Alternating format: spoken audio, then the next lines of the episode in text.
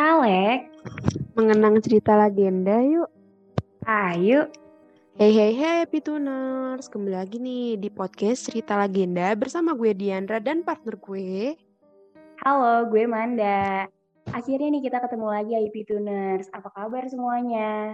Apa kabar tuh Pituners? Semoga baik-baik aja ya di sana. Wih, Man, gak kerasa banget nih ya, Man. Tahun 2022 tuh sisa 4 bulan lagi. Tapi ya, Man, alhamdulillahnya tahun ini tuh semuanya udah membaik banget gitu loh. Jadi tuh kayak udah mulai kayak awal-awal gitu kan. Walaupun masih banyak banget nih kegiatan yang dilakuin di rumah gitu. Ya, alhamdulillah banget sih, Di. Tapi nih ya, walaupun kegiatan-kegiatan yang biasa kita lakuin itu masih kita lakuin dalam rumah nih, kita harus tetap menerapkan protokol kesehatan tentunya. Eh, by the way nih, Di, gue mau nanya dong, kalau lu nih biasanya ngisi waktu luang lu tuh ngapain aja sih? Kalau gue sih ya biasanya cuma uh, scroll media sosial gitu, kayak misalnya TikTok gitu kan. TikTok itu kan lagi ngehits banget nih ya di kalangan anak muda gitu. Udah nggak diraguin lagi nggak sih kalau Sobat IP gimana nih? Pasti sih di mereka juga main TikTok karena kan ya TikTok tuh banyak banget loh konten-konten unik.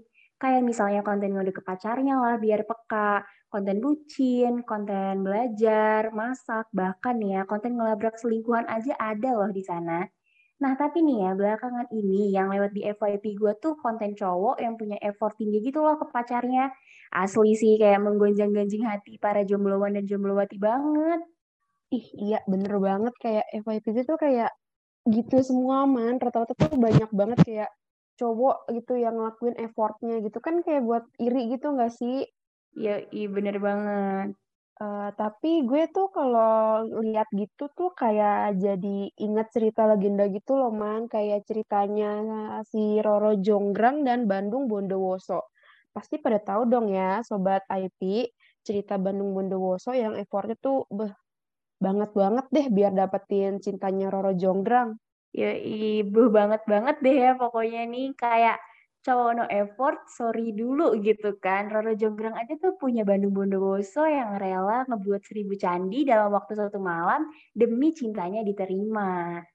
Nah bener banget kayak cerita legenda Roro Jonggrang dan Bandung Bondowoso ini itu tuh berasal dari Jawa Tengah yang menceritakan tentang seorang pangeran yang memiliki kesaktian mandraguna bernama Bandung Bondowoso. Ia adalah putra dari Raja Besar Damar Maya yang menguasai kerajaan Pengging gitu, Man. Nah, kerajaan Pengging itu sendiri itu bermusuhan dengan kerajaan Baka yang dipimpin oleh raksasa. Waduh, ada raksasanya segala nih IP Tuners. Dan raksasa itu bernama Prabu Baka. Ia memiliki seorang gadis yang cantik jelita bernama Roro Jonggrang. Dan dalam sebuah pertempuran antara kerajaan Pengging dan kerajaan Baka, Sang Prabu Baka pun tewas dibunuh oleh Bandung Bondowoso hingga kerajaan Baka pun dikuasainya. Waduh, antara keren sama merinding nih ya bunuh-bunuhan gitu. Lebih ke merinding ya, Man ya. Kalau kayak bunuh-bunuhan gitu serem gitu kan. Iya sih, bener-bener. bener. Uh, terus nih ya, ketika si Bandung Bondowoso mendatangi kerajaan Baka, di sana tuh dia ketemu sama gadis nih, namanya tuh Roro Jonggrang, uh, yang akhirnya tuh ngebuat si Bandung Bondowoso tuh terpikat sama kecantikannya. Jadi tuh dia kayak pertama kali ketemu gitu kan, terus kayak ngeliat cantik banget, terus tuh dia ada keinginan buat menikahi si Roro Jonggrang. Tapi nih ya man, sedihnya Roro Jonggrang tuh nggak sudi gitu nikah sama lelaki yang udah membunuh ayahnya. Oleh karena itu, si Roro Jonggrang tuh mm, ngebuat apa ya persyaratan gitu buat si Bandung Bondowoso biar misalnya kalau misalnya dia mau nikahin si Roro Jonggrang dia tuh harus ngebuatin sumur jala tunda sama seribu candi dalam waktu satu malam doang. Permintaannya agak mustahil gitu ya man ya kayak biasanya kan kalau misalnya cewek-cewek zaman sekarang mintanya coklat bunga gitu tapi ini sumur sama candi gitu kayak wah parah.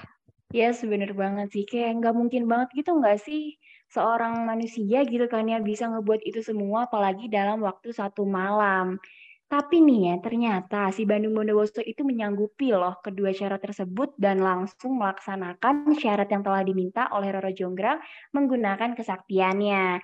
Walaupun agak curang sih ya namanya. Tapi syarat ke satu itu udah diselesaikan oleh Bandung Bondowoso yaitu menyelesaikan sumur Jalatunda. Dan untuk mewujudkan syarat kedua, Bandung Bondowoso memanggil semua makhluk halus, jin, setan, dan dedemit dari perut bumi. Banyak banget nih temennya Bandung Bondowoso. Dan akhirnya nih, itu tuh berhasil dilakuin yaitu menyelesaikan 999 candi. Asik, tinggal satu lagi nih ya kan dibantuin tuh sama temen-temennya yang agak lain Serem. gitu ya, serem banget nih temennya Bener, bener, nih. bener. Ada jin gitu kan. Agak lain Eh, temennya. Iya, bener. Serem banget soalnya. Tapi ya man, pas denger kabar tersebut, si Roro Jonggrang tuh ketar-ketir nih. Tinggal satu lagi kan nih Candi. Deg-degan. Heeh, jadi tuh si Roro Jonggrang tuh kayak eh, gimana ya, dia tuh eh, berusaha menggagalkan tugas Bandung Bondowoso. Terus tuh dia eh, membangun dayang-dayangnya di istana sama perempuan-perempuan desa untuk mulai menumbuk padi dan juga dia tuh memerintah agar gundukan jerami dibakar di sisi timur. Mengira bahwa pagi telah tiba dan sebentar lagi matahari kan akan terbit tuh. Cerdas juga nih ya si Roro Jonggrang ya kan. Bener, bener, bener. Terus kegiatannya tersebut tuh membuat para makhluknya, si teman-temannya si Bandung Bondowoso tadi itu pergi gitu, ketakutan. Sampai masuk lagi ke perut bumi gitu, Man. Asli sih cerdas banget idenya kayak nggak kepikiran nggak sih dia tuh eh, membangunkan dayang-dayangnya buat ngelakuin itu semua agar tuh eh, usaha-usaha yang udah dilakuin sama pangeran itu bisa gagal gitu loh ya kan. Yoi, dan akibatnya nih gara-gara eh, makhluk halusnya pada masuk lagi ke perut bumi, 999 candi yang berhasil dibangun itu kurang satu candi lagi, sehingga usaha Bandung Bondowoso pun dianggap gagal. Tapi setelah mengetahui bahwa itu semua adalah karena kecurangan dan tipu muslihat Roro Jonggrang, Bandung Bondowoso pun amat murka dan akhirnya mengutuk Roro Jonggrang menjadi batu. Padahal sih dia juga curang, tapi nggak mau kalah nih cowok juga nih di Ya, namanya juga kayak kesel gak sih? Dia udah lumayan effort gitu loh, Man. Tapi digagalin ya, pasti dia kesel dong. ya mungkin ngerasanya kayak nggak dihargain gitu ya. Iya, bener. Kayak, ya usaha gue nih udah gue panggil temen-temen gue yang rada serem itu, terus Ada beda. gagalin. Iya kan? Yoi, dah akhirnya itu sang putri men- berubah menjadi arca terindah untuk menggenapi candi terakhir nih IP Tuners. Waduh agak merinding juga nih ya dengernya.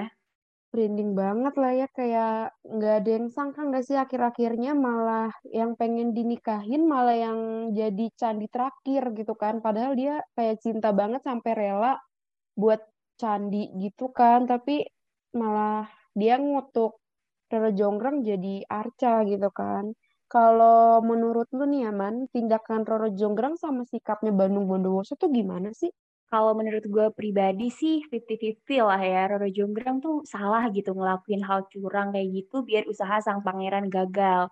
Tapi Bandung Bondowoso pun juga salah karena meminta bantuan makhluk halus biar usahanya berhasil. Kalau kata anak zaman sekarang tuh ini mah fake ya, no real gitu. Dan dari cerita yang tadi kita udah sampaikan ke kalian ya IP Tuners, apa sih tanggapan kalian tentang perilaku mereka? Kayaknya ya Man, eh, IP Tuners tuh pada setuju gitu kan sama pendapat lu tadi nih Man. Jadi sebenarnya mereka tuh nggak sepenuhnya bener, tapi nggak sepenuhnya salah juga gitu loh Man. Lu paham nggak sih kayak ya yang namanya cowok dia mau nikah gitu kan, dia cinta, dia ngelakuin effort, tapi ya emang salahnya dia tuh dia curang. Tapi salahnya si Roro Jonggrang juga, dia nggak menghargai usahanya si cowoknya itu. Jadi ya Benar-benar benar.